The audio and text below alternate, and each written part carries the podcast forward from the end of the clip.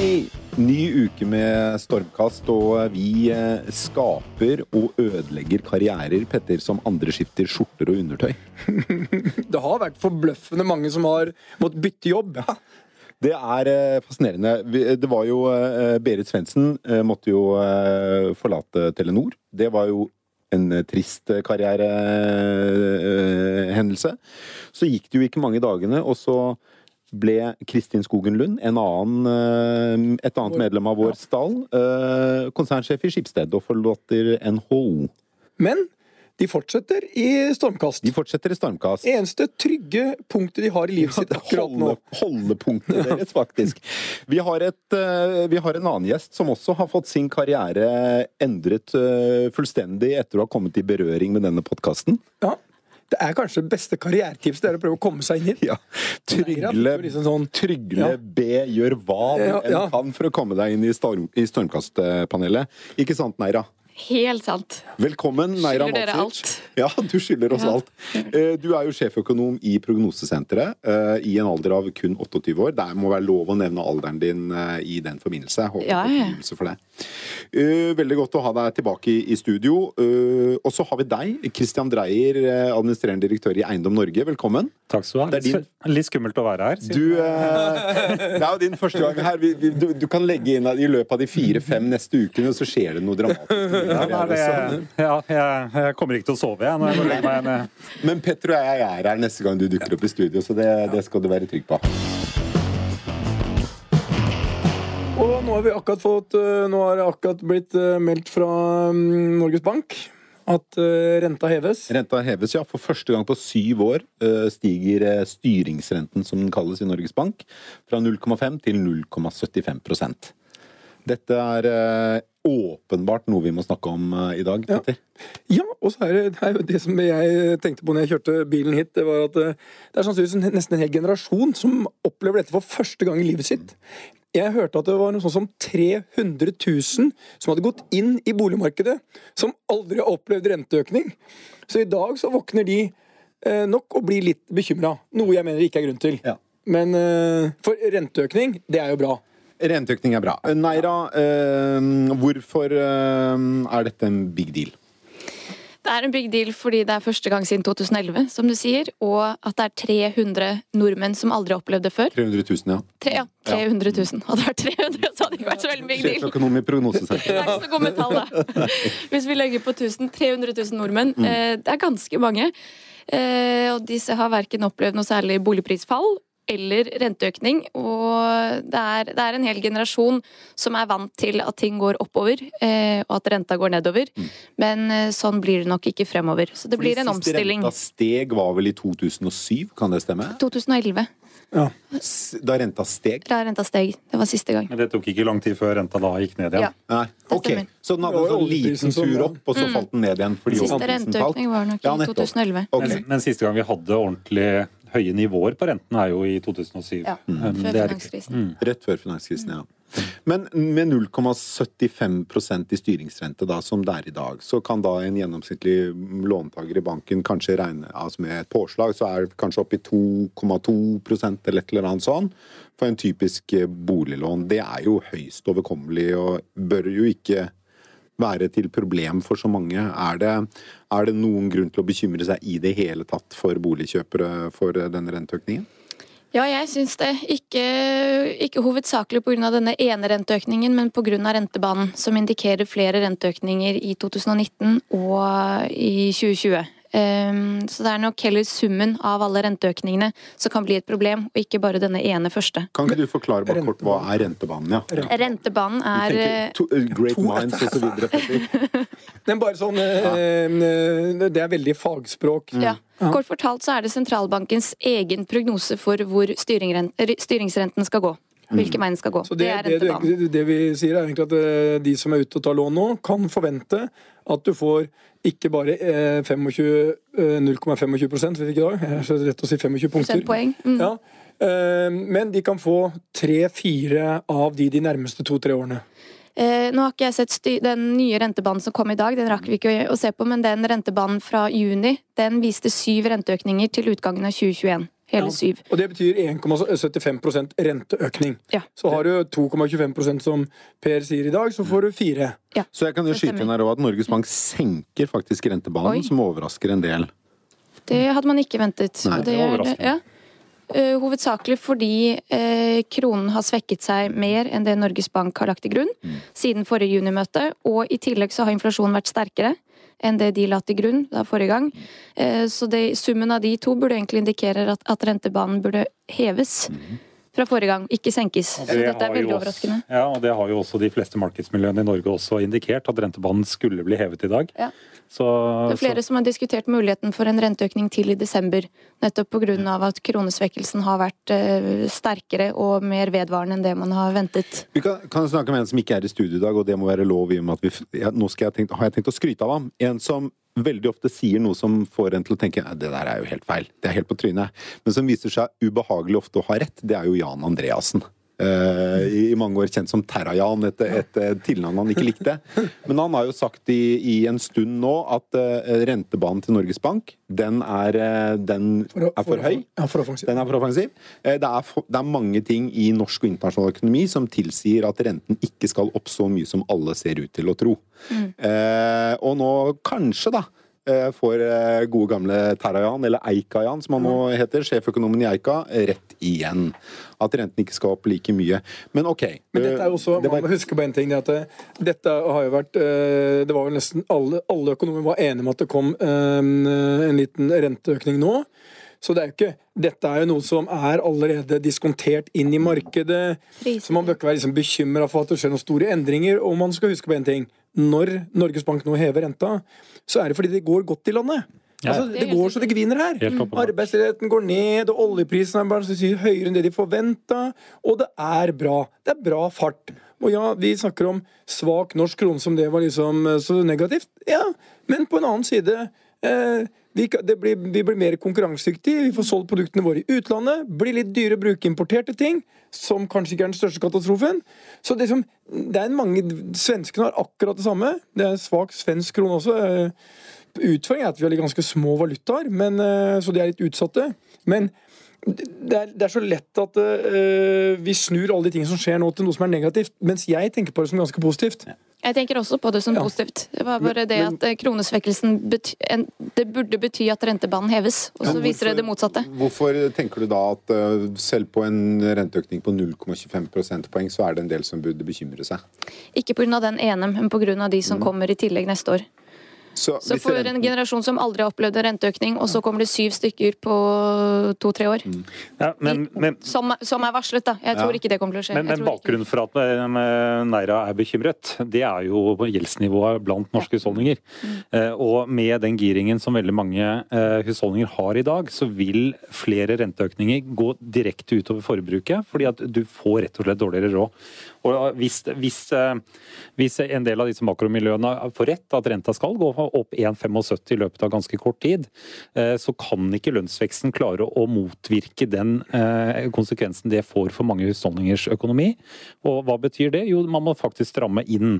Og hvis man da må stramme inn, så går det utover forbruk, eh, ikke bare i boligmarkedet, som vi kommer til å prate mye om i dag, men også i, i store deler av Men- samfunnet ellers. Men giring det er bare uh, høy uh, på mange måter gjeld i forhold til inntekten din. Mm. Det er sånn Du får høyere gjeld nå i forhold til inntekten enn det du hadde før. Mm. Og jeg er jo gammel nok til å oppleve Vi snakker om rentenivåer her. Jeg har opplevd rentenivået på 15% ja. Så for meg så er det Og da, da var bevegelsene mye større. Man skal huske Da var det et mye lavere gjeldsnivå. Det da er var det det mye lavere viktigste. gjeldsnivå, eh, og det har endret seg. Samtidig med det rentenivået vi har nå, så er det jo ikke noe problem da å låne fem ganger inntekt, som tidligere var fire og tre ganger inntekt. Så det har jo forandret seg. Nå er det vel fem ganger som bankene har, er det? Ja, men, Ja, men, men, det, men vi, vi snakker jo likevel om eh, hvilket eh, nivå, hvilket kjøpekraftnivå er det husholdningene har. Og veldig mange husholdninger i dag har jo faktisk lånt maksimalt det de får lov til av banken. Ja. Eh, og når renta går opp med mange millioner i gjeld, så vil det få effekt hvis renta går opp si- eh, mye, mye nok. Og det vil slå ut i kjøpekraften, og det, det kan gå utover store deler av norsk økonomi.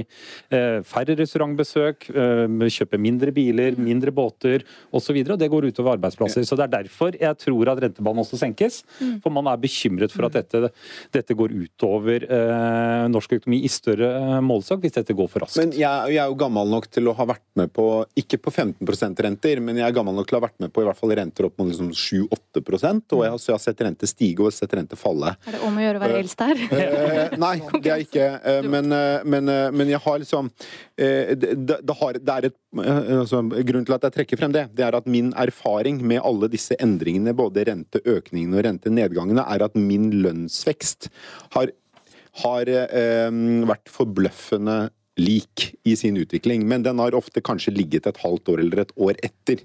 Så når renta har steget, så har min lønn eh, også steget. Lønnsøkningene jevnt over stiger med stigende renter og faller med fallende renter.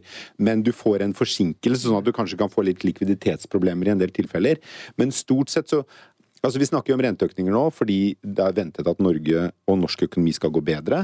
Går det bedre i norsk økonomi, så vil lønnsøkningene øke for, for folk flest. Eh, og dermed så eh, har vi vel ikke noe problem. Nei, jeg, jeg tror, Gjelden er problemet. ja, jeg, men jeg tror vi er enige om at Ja. dette kommer til å gå bra. Eh, Så bare så det er veldig sagt tydelig. Men, men det går utover eh, kjøpekraften til husholdningene og pga. gjeldsnivået. Og så vil det være enkelttilfeller som kanskje blir rammet vesentlig hardere pga. dette, men det, det vil det kanskje bli uansett. Men jeg, jeg tror også sånn, eh, grunnen til at jeg er veldig lite bekymret, er at vi sier fra god tid i forveien, dere nå på at det kommer over liksom de neste tre-fire årene, så kan det bli halvannen til to prosent dyrere å låne. Og da kan man legge inn det regnestykket sine. For, en, for noen som har fire-fem millioner i gjeld, hva blir det? Det blir 20 000 i året nå. Så, så det er liksom Det kan man forberede seg på, øh, for du har rentefradrag og sånn, sånn nettoen er sånn. Det er ikke så Dette klarer vi. Det jeg er mer bekymret for, det er hvordan den neste krisen vil se ut. For det er jo de Altså, det er jo da du virkelig ser hvor robust vi har. For vi har, samtlige av de krisene vi har hatt nå, har jo endret ganske mye på, for veldig mange. Da plutselig så mister du kanskje jobben din, og da endres alt. Bare en liten replikk. Eh, Med 3,5 millioner kroner i lån, eh, så vil man få etter skattefradraget 45 000 kroner årlig høyere rentekostnader hvis Norges Banks rentebane fra juni slår inn i slutten av perioden. Altså i Ja, men da har de 2021 250 sammenlignet 10 000 kroner mer i, i måneden. Nei, i, Nei, det i året. for- i året. 45 000 kroner i oh, ja. året Ja, etter og da, men da snakker du om eh, 2,5% Ja. ja. Ja, men det tror jeg nok er det Mm. bra vi fikk her. her. Jeg fikk en liten leksjon i regning. Ja. Ja. Min lettvinte eh, nettogreie var, var litt... Og det er ikke så lite, Nei, nei, nei. Bevares. Det er ikke så lite. Men øh, øh, øh, Men det er nettopp derfor jeg tror det ikke skjer. For det er, det, er, det er for mye til at de fleste husholdningene kan tåle dette greit. Derfor tror jeg ikke vi får disse syv renteøkningene. Jeg tror den rentebanen vi fikk servert eh, i juni var altfor, altfor aggressiv. ja. Ja, for det, det- Rentevåpenet i seg selv er jo mye mer sylskarpt nå enn det vi opplevde i 2007, da renta var på det nivået. Og med det gjeldsnivået husholdningene har, så er jeg helt enig med Neira, så, så kommer effekten av renteøkningene, kanskje ikke så mye av denne kvartingen som kom i, kom i dag, men når får du et par-tre til, så kommer det til å gå utover bl.a. boligmarkedet i forhold til dempet, dempet, La oss gå over på boligmarkedet, da, siden dere to er eh, eh, kanskje Norges fremste på boligmarkedet. Eh, i hvert fall Takk for det. noen Skal vi kjøpe leilighet nå? Hæ? Nei, Skal vi kjøpe ja, leilighet? Ikke sant? Hvordan, hva, hva vil eh, da det vi snakker om og renteutvikling er skal vi kjøpe leilighet. Ikke nå. Ikke nå. hva, hva, hva vil dette få å si da for boligmarkedet? Neira, i og med at du rista på hodet, du forskutterte svaret her. Kjør på. Eh, som investering så ville jeg ikke kjøpt noe. Nei. For å bo så kan du omtrent kjøpe alltid. Ja. Ja. Det er min Bra. eh, Bra leveregel.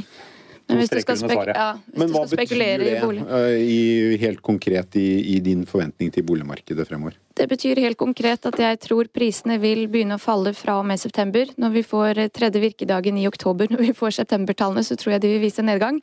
Og så tror jeg vi får nedgang ut året. Så tror jeg vi får en svakere start på 2019 enn det som er vanlig for begynnelsen av året. Og så tror jeg prisene vil falle utover 2019 igjen, før de begynner å stige i 2020. Okay, Det vil si, hvis du kjøper bolig i dag, ja, det tror jeg. Hvis du kjøper bolig i dag for å bo, og skal bo der i fem, mange år, så har det ingenting å si. Skal du kjøpe og planlegger å selge om to år, så ville jeg ikke gjort det. Mm. Ja, det, og det kan jeg være veldig enig i. Jeg er enig i makroperspektivet til Neira. Eh, men hvis du går inn på et mikroperspektiv i investeringsøyemed, så er nettopp perioder som nå eh, kan du gjøre ganske gode kjøp. Og med det mener jeg at de overskriftene som kommer til å prege eh, avisene i månedene som kommer, med eh, sannsynlig prisfall, det er jeg helt enig med Neira at vi kommer til å ha svake måneder fremover. Med renta skal opp, svakere kjøpekraft, sårbar, økonomien er sårbar osv. Så, videre, så er det mange boligselgere igjen som har eh, høye gjeldsnivåer, som må flytte på seg, som eh, ofte er veldig motivert for salg. Eh, så i, Hvis du er god på nettopp dette med timing på marked osv., så, så kan man i sånne litt sånn turbulente perioder, er min erfaring, erfaring, så jeg har jobbet som eiendomsmegler over ti år. Det er da du kan gjøre gode kjøp. Er, er, det en turbulent periode, den som er i boligmarkedet? For en boligselger som er uh, igjen av høyt giret, for å bruke det ordet, uh, som er avhengig av å få et salg, så, uh, så er dette turbulent. Ok, for, Så det er et litt vanskelig boligmarked for en selger nå? Ja, for, for, helt åpenbart mye mer krevende nå enn bare for noen få måneder siden. Mm. det er Oslo-markedet nå preges av mange boliger som må ut flere runder. Uh, og det samme tendenser ser vi både i Trondheim, i Bergen, uh, ikke så mye i Stavanger. Uh, der er det et positivt skift på gang. Det skyldes jo en og alene oljeprisen, for at der, vi merker jo aktiviteten der øker voldsomt nå. og at det har vært nedgang i boligmarkedet siden 2014. Ja, og at det kanskje ikke er bygget så mye der de siste årene. Ja. Og at halve Stavanger bor jo på ledige hotellrom på Choice også, sånn at det er Der har jo fortsatt mye å gå på. Det er, det er å gå på. Ja, ok, så Men bare et lite spørsmål er sånn. Hvis vi, hvis, vi skal, hvis vi skulle kjøpe en bolig i dag, hvor mange ganger inntekten din ville du sagt Næra, var eh, fornuftig? Med, med, det du kan nå. Jeg skal utkjøpe leilighet. Hvor mange ganger? Jeg, tjener, jeg sier at jeg tjener en million. Har ikke noe egenkapital. Tregangeren. Tregangeren? Ja. Jeg er veldig forsiktig. Ja, jeg ville vært forsiktig nå. Ja, du ville? Ja. Men tregangeren eh, banken er jo villig til å låne deg femgangeren. Ja. Banken er gjerne villig til å låne deg mer òg, hvis du er uh, yngre og har gode fremtidsutsikter. Fordi jeg syns vi går inn i en litt usikker periode nå. Jeg ville egentlig ventet og sett hvordan denne renteøkningen, uh, hvilke konsekvenser den får, hvilke ringvirkninger den får, hvordan nordmenn oppfatter renteøkningen og hvordan de reagerer. Og så ville jeg sett den. Men, men, men jeg har bare lyst til å si at jeg, jeg, bare Et spørsmål til, til privatøkonomien her. sånn. Jeg er den samme personen som har kjøpt. Hvor mye mener jeg bør ha i sånn kontinuerlig likviditetsreserve? Altså Hvor mye mener jeg må ha stående i banken for uforutsette ting? Hva ville du sagt var fornuftig? For det tror jeg mange familier aldri tenker på. Har de noe buffer? Har de noe møte? Jeg er makroøkonom, ikke privatøkonom eller forbrukerøkonom, så jeg er ikke noe ekspert Nei, du, på du, du, mener jo noe på mikronivå her. Du sier at tre ganger inntekten er Nei, Det er også bare noe jeg synser om. Ja. Det er ikke noe jeg ville gått ut og anbefalt noen aktivt om. Jeg tror liksom man burde hatt en månedslønn stående. Plutselig går en vaskemaskin, plutselig kommer en eh, renteendring, plutselig skjer et eller annet. Og det er det mange som ikke tenker på, at de har ikke noe buffer. Jeg mener jo minimum en månedslønn, ja, da, så når du først er inne på det. Mm. Men, men eh, til spørsmålet ditt, eh, hvor mye skal man låne? Og det, det jeg, jeg, Du vil låne mer? Nei, men poenget er at eh, snakker vi om investering, så er det en helt, helt annen diskusjon. Snakker du om å, for å bo, så, ja, så, så, er det en alternativkost her. Hvor mye koster det meg å ikke komme inn i eiemarkedet. Hvor mye koster det meg å leie den, den, boligen, den, samme type boligen? Eh, og Hvis du ser på de lånekostnadene, selv om renta går opp, så er det billigere å kjøpe denne boligen, sitte med å få det rentefradraget, de skattemessige fordelene det er å eie bolig, kontra å være i leiemarkedet på samme type bolig. Det er et mye bedre regnestykke fremdeles å eie. Eh, og, eh, så, så jeg, mitt råd er at du bør komme deg inn også nå, eh, framfor å være i leiemarkedet. Ja, fordi det, det er, poeng... det er vi enige om at det er eh, det dårligste alternativet. Det ja, Hvis ikke det blir en kraftig priskorreksjon, så er det et dårligere alternativ. Ikke hvis du skal bo et sted på kort, kort sikt. Nei, hvis det, nei, skal du, vet du at du skal bo i en leilighet i to-tre år, så vil jeg si det er mye lurere å leie enn å eie. Men hvis du, hvis, du skal, um, eh, hvis du skal inn i boligmarkedet, og du, utgangspunktet er at du skal bli boende der du kjøper, så jeg mener jeg, altså, man kan man kan ikke si det nok ganger, egentlig. Du må eie. Økonomisk sett en no-brainer å mm. kjøpe bolig i det norske boligmarkedet. For nesten alle som skal være i det markedet. Det er, det De har nesten gratispenger. Det er- eh, altså reale? Ja, det, er ikke, det er ikke noe kjøp i Nei. Norge som er i nærheten av å være like smart som å kjøpe en bolig. Hvis, du skal bli, hvis utgangspunktet ditt er å bli boende.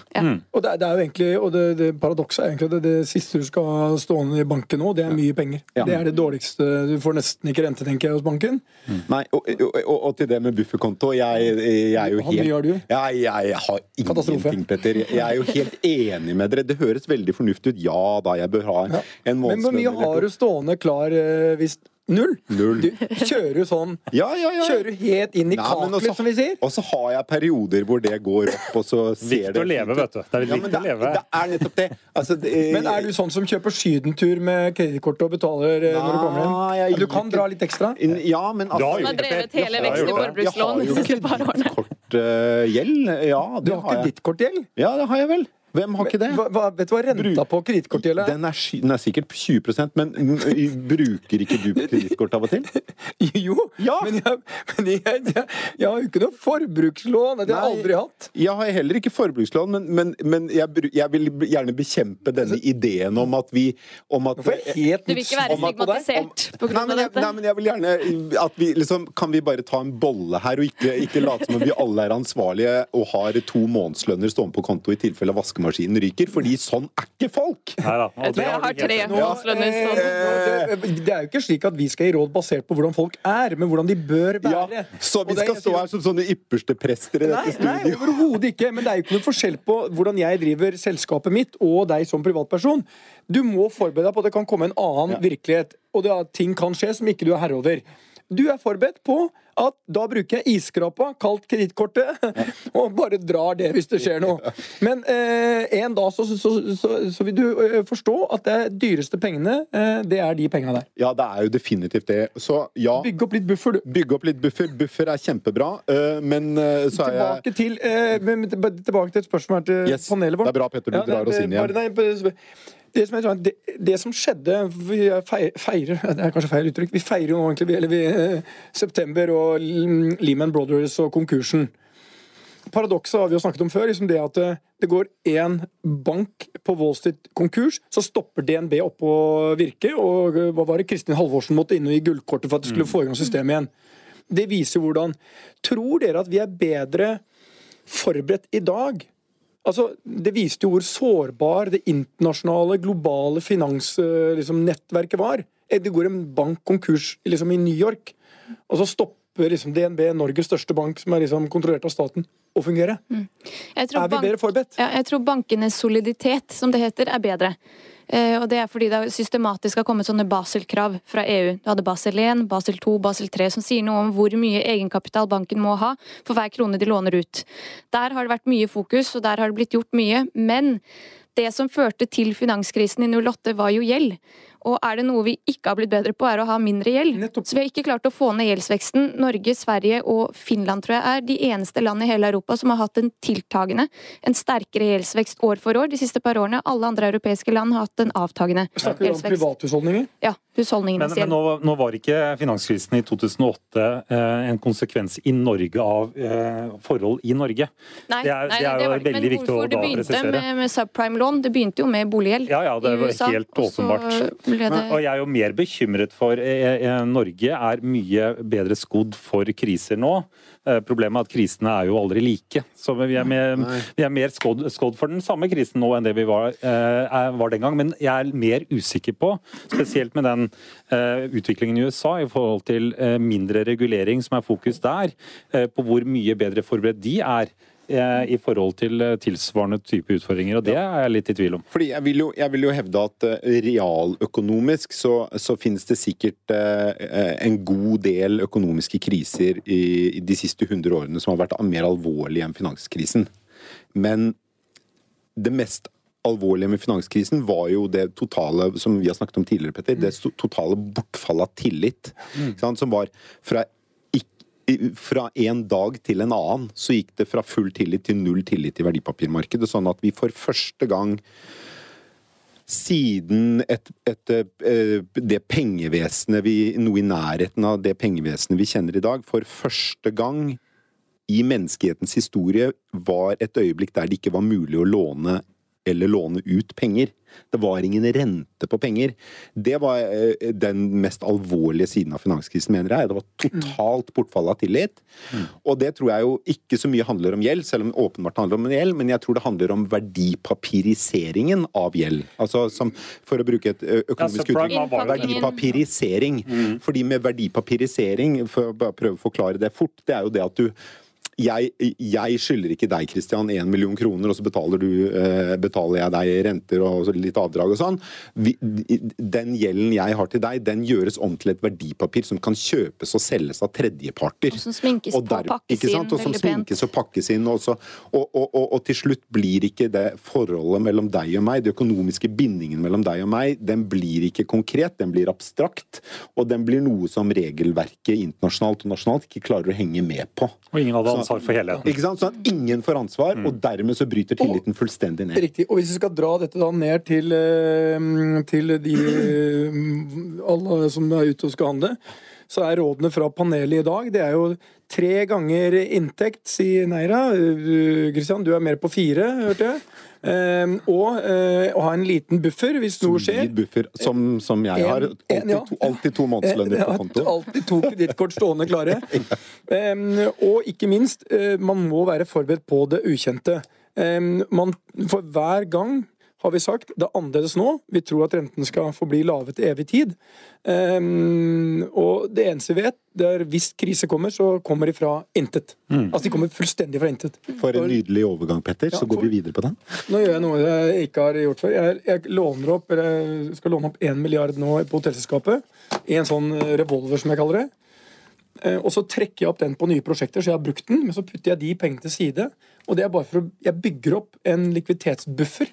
Mm. Så jeg, jeg bare jeg trener opp banken. Ja, jeg trener opp banken. Ja. At nå går jeg fra halvannen gang ganger EBTA til to og en halv ganger EBTA i gjeld. Så, så, trener jeg opp banken, for kommer en krise, så er det jævlig vanskelig å få lån, og det er da muligheten er der. Mm. Men hvis jeg sitter med cash Banken trekker aldri tilbake fasilitetene. De er sånne femårs eh, løpende fasiliteter. Da kan jeg bruke det. Mm. For det som skjedde, og det er erfaring, altså blir, erfaringen fra siste krise, var jo akkurat det det var at eh, vi fikk ikke lån. Altså I 2009, når det var masse muligheter, mm. da fikk ikke jeg lån. Eller jeg fikk lån til slutt, da, men, sånn, men hvis du sitter med likviditeten, så har jo enhver krise har en enorm mulighet i seg. Mm. Og det er, det er, så lett å ikke tenke på det. Som du sier, Kristian. Det er når det smeller du skal gå inn og kjøpe. Mm. Jeg tenker å kjøpe bolig som investering om et år, så cirka. Det tror jeg kan være lurt. Ja, men det er da man begynner å prate om at oppturen er snart uh, på vei. Ja, ja men da er, er vi på bunn. Da er på, det er da du, ja, du Når du skraper bunn, det er da ja, du ønsker å kjøpe. Det er bunn i uh, indeksene, men det er ikke nødvendigvis bunn på de gode kjøpene. Men tenk, det, tenk hvor nå, nå paradoksalt dette er. Sten og Strøm er 24 000 kvadratmeter. Den kjøpte vi i realiteten for 100 millioner i 1992. Mm. Det, er 4000 kroner meteren. Mm. Altså, det, det, er helt galskap. Mm. Og dette er det, det beauty i kriser, er nettopp det. Nei, men det som, Jeg hadde lyst til å si én ting som jeg syns er veldig relevant i forhold til eh, temaet vårt. og Det er jo at jeg sto jo midt oppi med begge beina i boligmarkedet den gang, som mm. direktør i Eie og som styreleder, ja, styreleder i Norges Eiendomsmeglerforbund. Og det vi opplevde da, eh, apropos tillit, som du var inne på, det sporet der, det er at bankene de, det forsvant mellomfinansiering fra boligmarkedet. Og de trakk tilbake finansieringspris. Ja. og, og vi, eh, jeg skrev da et leserinnlegg i Aftenposten på vegne av bransjen på at eh, bankene stu, dytter oss utfor stupet. Og DNB bare nektet for at nei, vi står og mellomfinansierer. I praksis så var det ikke likviditet. Bankene forsterker alle konjunkturene. Når det er nedgangskonjunktur, ja, så forsterker bankene nedgangskonjunkturene ved at de holder tilbake. Det skjedde jo høsten 2013 òg. Var det slutt på mellomfinansiering. Ja. Forsterket den boligprisnedgangen som ville vært helt marginal. Og Det som er litt sånn interessant som prinsipiell diskusjon i dette, er at eh, bankene har, bør ha et samfunnsansvar og være motsykliske mm. i konjunktursvingningene. Mm. Men de oppleves som medsykliske. Og det er, det er et prinsipielt problem, og det er derfor bankene også trenger regulering. Mm. Eh, det snakker man ikke så mye om. Ikke nei. nok. Men, men, banker er jo tross alt banker. Altså Når usikkerheten øker, så passer de på pengene sine. Og banker må jo få lov til å være banker òg. Uh, ja, da. Eh, Så det er en vanskelig, vanskelig diskusjon. Men Ja, men, men, ja, fordi det jeg tenker, det er at Så lenge ikke det der går helt av skaftet, og du får eh, en situasjon i lånemarkedet der det er helt umulig å få lån Som i uansett 2008. Ja, men ikke sant, det var, det var I 2009 så var det umulig Ja. å få lån. Ja. Men, og det, så det var en helt unik situasjon, men, men jeg mener jo sånn generelt at det at banker kan bidra til eh, nedturer øh, og oppturer, det er jo, gjør jo bare at, at man river plastrene av raskere på økonomiske problemer. At man liksom, de, de, disse opp- og nedturene kanskje går noe raskere enn de ellers ville ha gjort. Nei, jeg tenker omvendt. jeg. Jeg tror de blir dypere og Ja. høyere. Ja, de, de blir noe, ja, det tror jeg også, men jeg tror det blir raskere. Jeg tror det blir raskere. Ja, men det, Jeg er ikke helt enig, for jeg tror at bankene forsterker både oppturene Mm. og nedturene. Og de kunne eh, på mange måter ved en litt, eh, som Kristian er inne med her sånn, med en litt annen håndtering av det, så kunne de tilført den likviditeten som gjør at det tar oss gjennom Mm. de der Det ville jo vært godt bankhåndverk. Å finne de riktige kundene som de ser et potensial i. Dere er trygge kunder selv om verden er utrygg akkurat nå. Bare Dere burde ta- få lån. Bare ta 2016 da, i boligmarkedet. eh, Hvordan 26 vekst på et år i Oslo. Eh, Bankene kastet jo lån etter veldig mange kunder i den perioden der. eh, Og konkurrerte og ringte opp kunder. Skal du ikke låne litt mer? Jeg Også, opplevde det. Ja, ble dyttet gjorde på det, ja. lån. Ja, ja, og, og noen måneder senere så ringte de tilbake og sa nå har vi nedjustert finansieringsbeviset ditt. Så, så det er bare et veldig praktisk godt eksempel på hvor eh, medsykliske de da fungerer. Men ville du bundet rentene nå, Naira? Aldri. Aldri. Du går bare kort.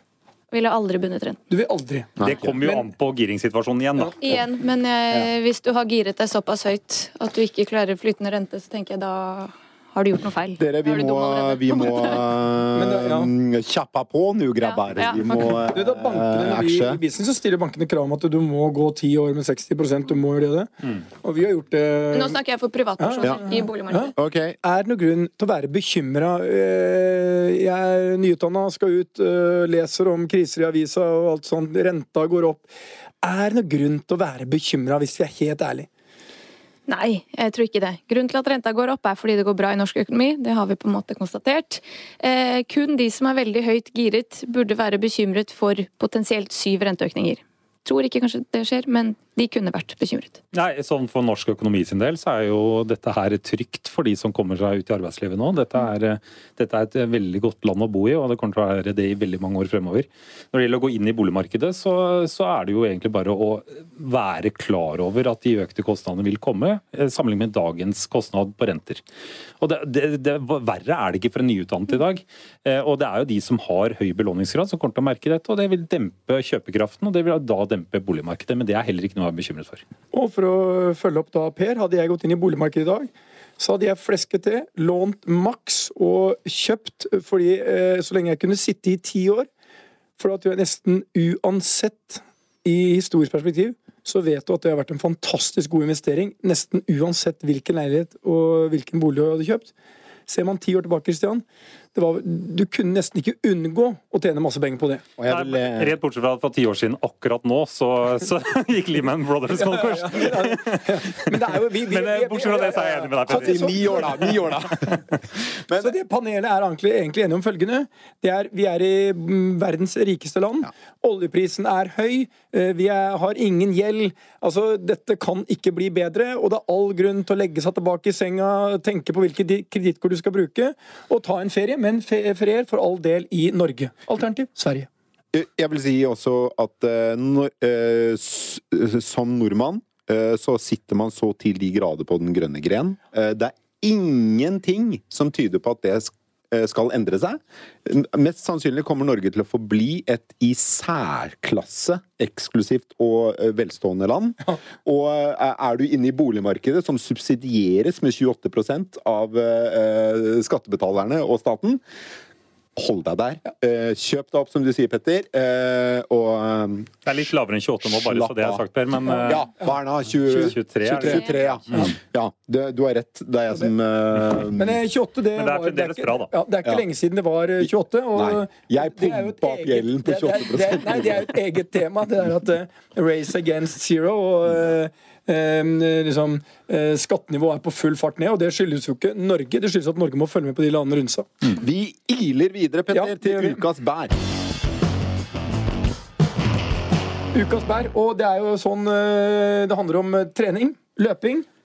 Ja, Det er Dagens Næringsliv som skriver om fartsholder Jon Ilseng. Eh, han eh, skulle løpe rundt med en sånn ryggsekk med et flagg og en ballong eh, foran for å vise hvordan du da, hvis du fulgte hans tempo Så skulle du klokke inn på tre timer på maraton. Tre timer på maraton, og, og det er jo en god tid. Ja, det er du løper fantastisk bra. 42 km Ja. på asfalt rundt omkring i Oslo. Tre timer må regnes som en meget god Ja. tid. Og fartsholder, det er jo litt sånn Det, det er litt ærefullt å ha. Ja. For da skal du være garantisten for de som løper rundt ballongen min, og der står det tid også hva han løper på, de vil klokke inn på tre timer. For da er du ikke bare i koko-god form, men du er i så god form og har løpt så mye at du vet nøyaktig hvor fort du skal løpe for å klare den tiden. Det er helt riktig. Så du er ganske fintuna som du løper, da. er fintuna. Men eh, Johan, Jon Ilseng, han eh, dreit seg jo litt ut, da. For å si det sånn. For på 37 km så orket ikke kroppen hans mer. Han måtte gi seg. Ja, Det er jo kanskje det verste som skjer med en fartsholder. Det er fem kilometer Ja, det er fem kilometer igjen. Og så eh, Men eh, jeg husker ikke Men det du kan gjøre da, da må du se på de rundt da. Er en som virker solid, så bare tar du den der fartsholdersekken, gir den til han og sier du fortsetter, du. Klokken på akkurat tre timer. Men gjorde Jon Ilseng det? Nei. Han gjorde ikke det. Han leverte inn eh, sekken litt seinere. Han syntes det var så pinlig at han fikk den andre til å levere inn sekken. Stakkars med det, så fartsholdere som ikke klarer å holde farten. Han, Dårlig Han- dag på jobb. Ja. Fire prikker. han er jo bare i, i Dagens Næringsliv eh, og kalt Ballongmannen. Nei, Eh, det, oi, oi. eh, og Men Altså, Vi, vi syns synd på ham da. Han har, fått, han har fått mye pepper, han har fått mye kritikk. Ja, han burde sannsynligvis ha håndtert situasjonen annerledes. Eh, men eh, eh, altså, det er bare et løp. det, er bare et løp. Det er bare et løp. Stopper det, så stopper det. Det her er ikke verdens undergang, folkens. Dette er en sak for verdens rikeste land. Det er en sak for verdens rikeste Og den har vært omtalt eh, veldig mange steder. ja. Men Det slo har Frank Løke, faktisk. La ballongmannen være i fred. ja, ja, altså eh, Frank Løke Ja. har ikke engang vært på lista vår her Nei. over eh, Nei. ukas bær. Frank Løke eh, ikke, Han skal ikke ha ukas eh, hva enn som er surt heller. Han, han skal vi bare ikke snakke om. Han skal vi ikke snakke om. Dette- Men Ballongmannen han skal få ukas bær. Få ukas fordi bær. vi mener at han fortjener det. Ikke både som trøst, og fordi tross alt han leverte 95% av det han skulle. Men beklageligvis så stoppa beina. Han bomma på fem kilometer, men ok. Shit happens. Det er bare et løp. Vi er i verdens rikeste land. Vi har det bra. Eh, dere som raser over eh, ballongmannens eh, ugjerning, ta dere en bolle. Vi sender en lue til ham, og vi sender faktisk en lue til ham. Jord, en jordbærlue. En jordbærlue. Det er noe nytt vi har begynt med nå, Petter. Hvem er det som strikker jordbærluene? Det er susehueluer eh, som vi har funnet. De strikker nå eh, luer til oss formet som jordbær. Men altså, dette jordbærgreiene er jo ferdig. Det begynner som jordbærfilosofien. Jeg har jo tatovert Mm. et jordbær på kroppen, jeg også. Men dette tar jo litt av nå. Jordbærfilosofien, jordbærluer. Det er masse, vet du. Ja, det- Selg de bæra du har. Gå med den jordbærlua du har. Dette er jo din fortjeneste, da, og det er jo derfor vi også kaller det Ukas bær, Petter. Jeg, jeg, altså, jeg syns det er helt fantastisk. Må, ikke la, du må ikke late som om dette bare kommer helt tilfeldigvis reken inn her, at det heter jeg ville Ukas minne bær. deg på, eh, Ja. Eh, Men så, uh, Jon Nilseng, hvor enn du er og restituerer kroppen, i posten er en lue på vei til deg. Og vi heier på deg. Vi heier på deg. Stå på. Tusen takk skal dere ha for at dere kom i studio. Neira Matsic i Prognosesenteret og Christian Dreyer i eh, Eiendom Norge. Truls Johansen har produsert sendingen.